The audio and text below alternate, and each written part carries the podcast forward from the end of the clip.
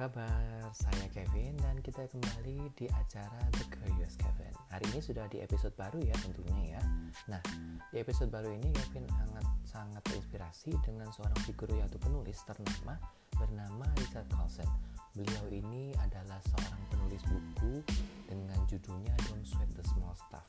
Ini sudah ada versi bahasa Indonesia-nya, cuman Kevin akan mengajak teman-teman semua untuk merasakan dan meresapi buku ini dengan perspektif yang berbeda, dengan pandangan yang lebih luas, dan juga bagaimana dari pendalaman buku ini kita bukan baca saja atau sekedar lewat, tapi bagaimana kita merasakan bahwa hidup ini adalah sesuatu yang ajaib, hidup ini harus kita syukuri, dan hidup ini kita bisa nikmati.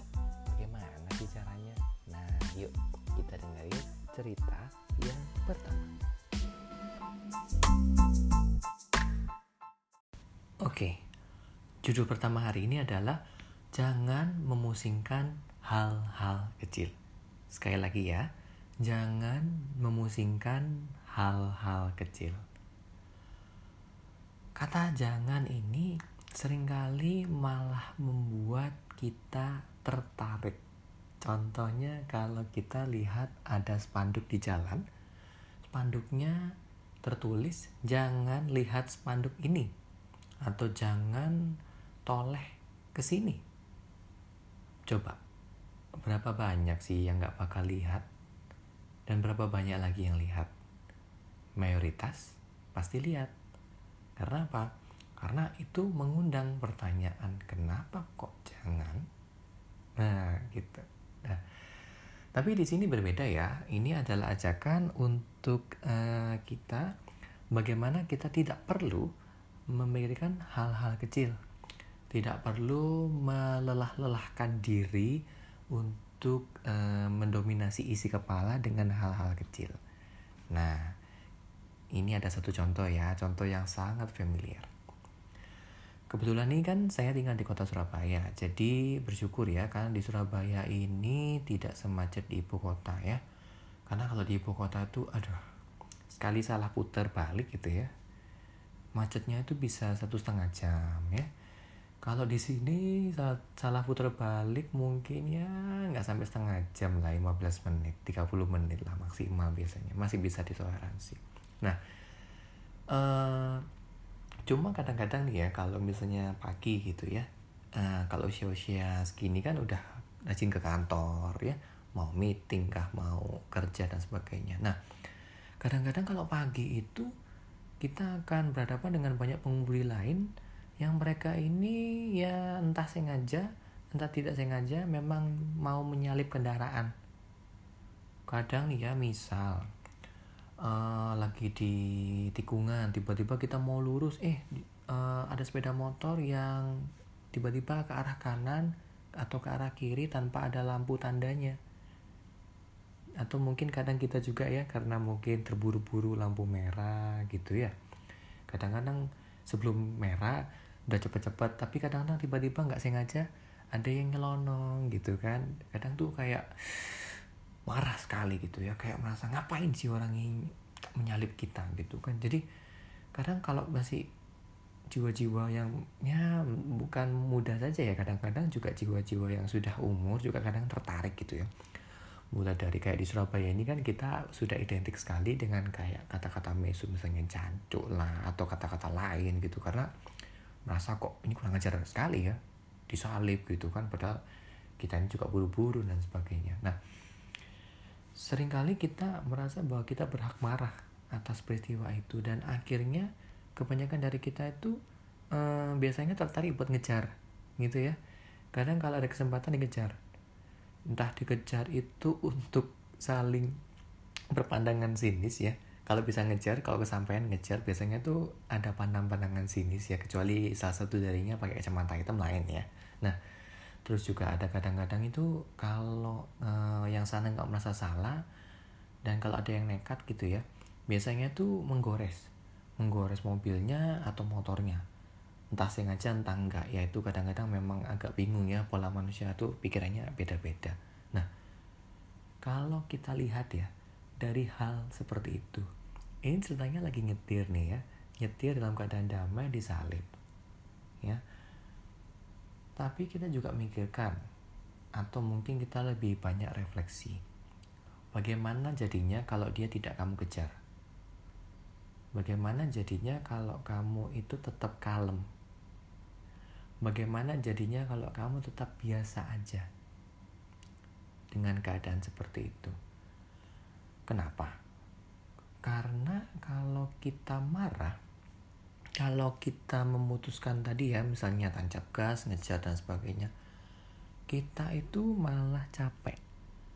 Apalagi kalau pagi gitu ya energi yang dibuang uh, untuk marah itu sudah kayak menghabiskan energi kita untuk sepanjang hari padahal tuh harinya baru mulai. Entah itu misalnya kayak pagi pulang kantor pulang sekolah atau mungkin kayak mau berangkat ke mana ya itu kan kadang-kadang energinya sudah habis karena keterburu emosi. Jadi nggak mood lah. Jadi merasa kayak males. Jadi suka ngomel menggerutu ya. Itu kan sebenarnya coba direfleksikan dulu. Dibubahkan cara berefleksinya atau cara pandangnya. Karena apa? Karena mungkin dia juga punya kepentingan yang berbeda. Ya pasti ya, cuman mungkin prioritasnya berbeda. Mungkin dia terlambat, mungkin dia ada pertemuan mendadak, mungkin ada peristiwa-peristiwa penting yang harus dihadiri dan mungkin dia gak sempat mempersiapkan ini itu akhirnya mau tidak mau dia harus menyalip ya nah coba kita pandang sejenak refleksi ke diri kita juga kita refleksikan uh, bagaimana kalau kita membiarkan mereka. Kita tetap kalem, biasa, dan tidak marah. Coba direfleksikan.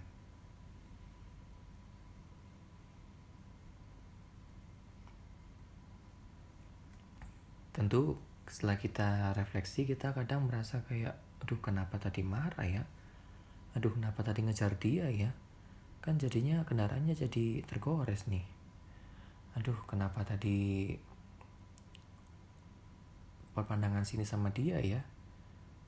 Kayak buang energi gitu kan. Jadi kayak menyesal karena sudah melakukan tindakan-tindakan seperti itu. Cuman ya memang ada yang refleks ya. Ada yang refleks tapi kita juga mesti belajar bahwa kalau refleksnya itu memang bagus ya dipertahankan. Tapi kalau refleksnya memang kurang bagus ya diperbaiki karena apa? Kalau kita mengizinkan hal-hal seperti itu ya marah karena peristiwa-peristiwa kecil seperti itu atau merasa jengkel kita akan kehilangan. Kehilangan sukacita kehilangan cara untuk menikmati keajaiban hidup. Keajaiban hidup seperti apa? Itu tadi dengan kalem dengan biasa dan tetap mengemudi sampai ke tempat tujuan. Kan tidak merugikan diri sendiri gitu kan ya? Nah sebagai contoh lain mungkin kayak misal uh, lagi antri di dokter gitu ya dokternya terkenal. Kita merasa sudah paling pagi ambil antrian eh ternyata ada yang lebih pagi ngambil antrian. Antri lumayan panjang padahal misal lagi sakit gigi nggak enak ya. Terus merasa jengkel aduh kenapa sih kok saya nggak duluan? Kenapa sih? Kenapa sih? Marah lagi marah lagi. Terus misalnya nih di kantor atau di sekolah dikritik gitu ya. Dikritik karena kita tahu dia nggak kompeten kita tahu dia ini nggak bisa apa-apa sebenarnya cuma bisanya ngobrol aja atau kayak kalau istilahnya itu omdo ya omong doang gitu. Nah kita udah tahu nih tapi kita memutuskan untuk tetap jengkel sama dia tetap marah sama dia. Tapi setelah kita selesai kita merasa kayak yang capek kita yang lelah kita yang pusing kita. Dia mah oke okay aja dia nggak masalah apa apa dia tetap rileks seperti itu gitu kan? Nah cuman yang perlu diperhatikan adalah ketika dalam situasi seperti itu memang hal-hal kecil seperti itu tidak perlu dipikirkan tapi bukan berarti kamu diem aja.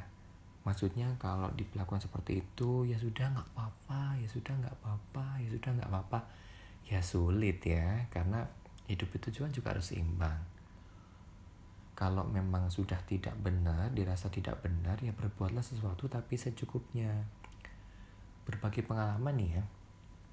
Dulu waktu masih kerja di perusahaan Singapura ini kebetulan pertama-pertama oke okay sih ya. Terus uh, semakin ke belakang itu sempat ada gesekan juga.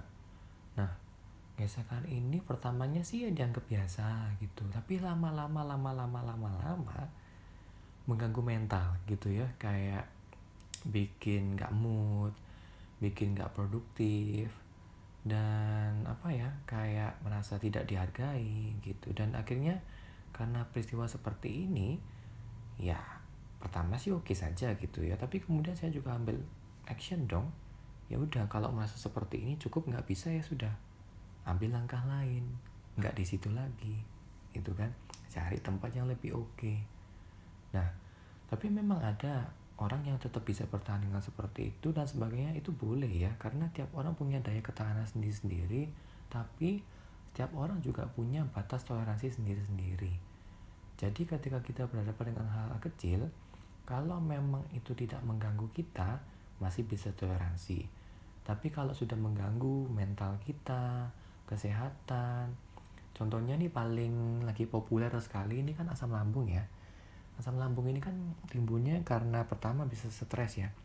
Stres karena gesekan dan sebagainya. Nah atau stres karena pikiran-pikiran yang sibuk dipikirin ya kadang-kadang mikirnya terlalu jauh yang nggak ada dipikir yang yang nggak masuk akal atau yang mungkin kayak sudah ada faktanya tapi masih dipikir menyangkal fakta faktanya bagus pikirannya jelek susah gitu ya nah itu kan hal-hal yang membuat kita jadi malah sakit sendiri, jengkel sendiri, sedih sendiri. Dan ketika cerita sama orang, berapa banyak yang bakal menanggapi itu, ya kan? Kadang-kadang orang juga sudah males dengernya.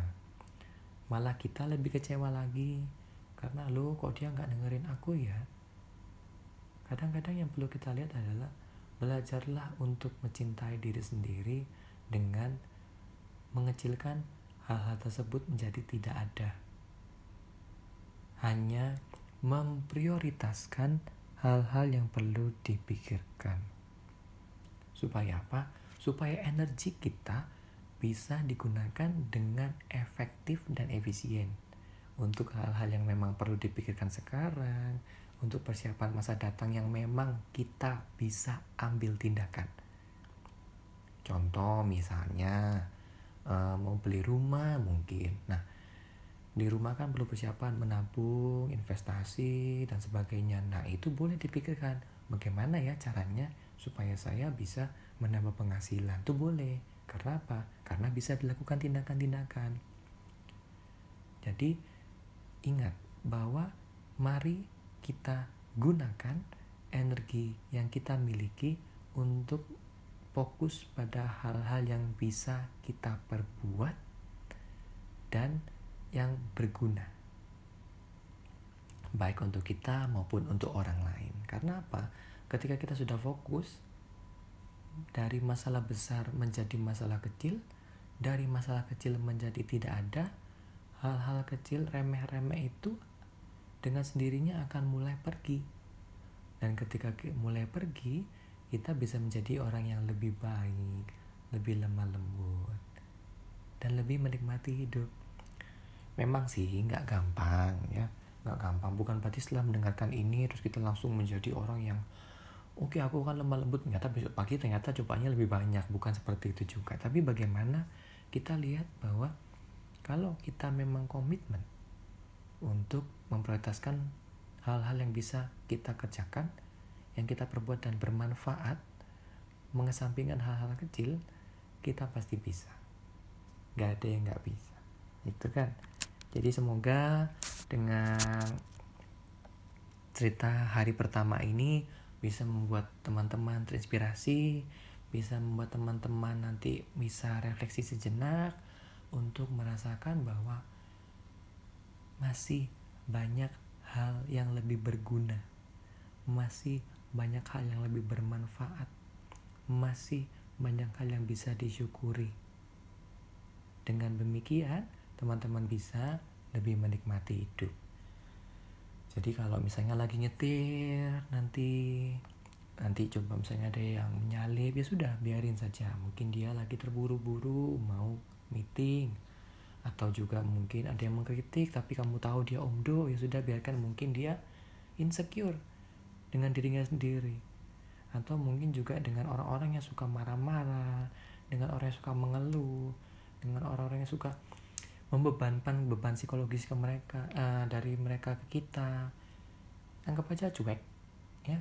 Cuekkan saja dibawa rileks. Dan kalau memang sudah nggak bisa ditanganin atau memang sudah merasa aduh ini merusak kesehatan mental ya sudah tidak dihiraukan. Tujuannya apa? Karena kesehatanmu itu penting. Kamu harus sehat kenapa kalau kamu sehat kamu akan bisa membantu lebih banyak orang? Jangan sampai sakit. Kenapa? Karena kalau sakit itu menyusahkan diri sendiri dan menyusahkan orang. Ingat hidup itu adalah untuk diri kita bagaimana memberikan dampak yang baik bagi orang lain. Dan pastinya juga berguna buat kita sendiri. Oke, yuk nikmati hidup lebih baik mulai hari ini juga.